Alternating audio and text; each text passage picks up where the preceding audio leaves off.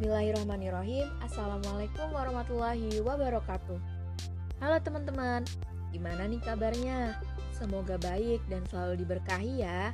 Amin. Terima kasih udah mau dengerin podcast ini.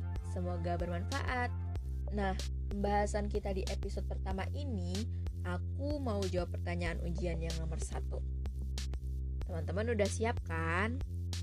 Yuk langsung aja ke pertanyaan yang pertama. Nah, pertanyaannya, apakah masih relevan belajar fikih muamalah pada era kontemporer dan digital? Hmm, gimana ya? Gimana nih teman-teman? Yuk langsung aja. Kalau menurutku, tentu saja masih sangat relevan. Kenapa?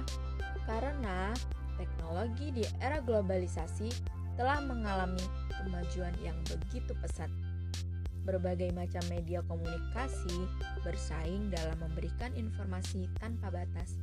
Fasilitas internet merupakan yang terlengkap dan efisien di mana segala bentuk dan macam informasi dapat diakses dengan mudah dan murah termasuk dalam hal ini yaitu belajar fikih muamalah.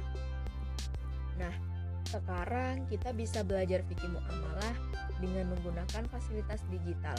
Bisa melalui internet, sosial media, YouTube, Spotify, melalui podcast kita seperti saat ini, dan lain-lain yang tentunya lebih bervariasi dari cara pembelajaran yang biasa.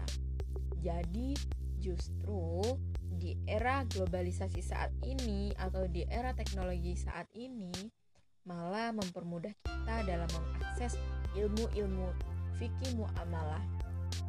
Jadi tidak ada lagi alasan teman-teman untuk tidak mempelajarinya ya. Terima kasih sudah mendengarkan. Semoga bermanfaat. Have a nice day. Assalamualaikum warahmatullahi wabarakatuh.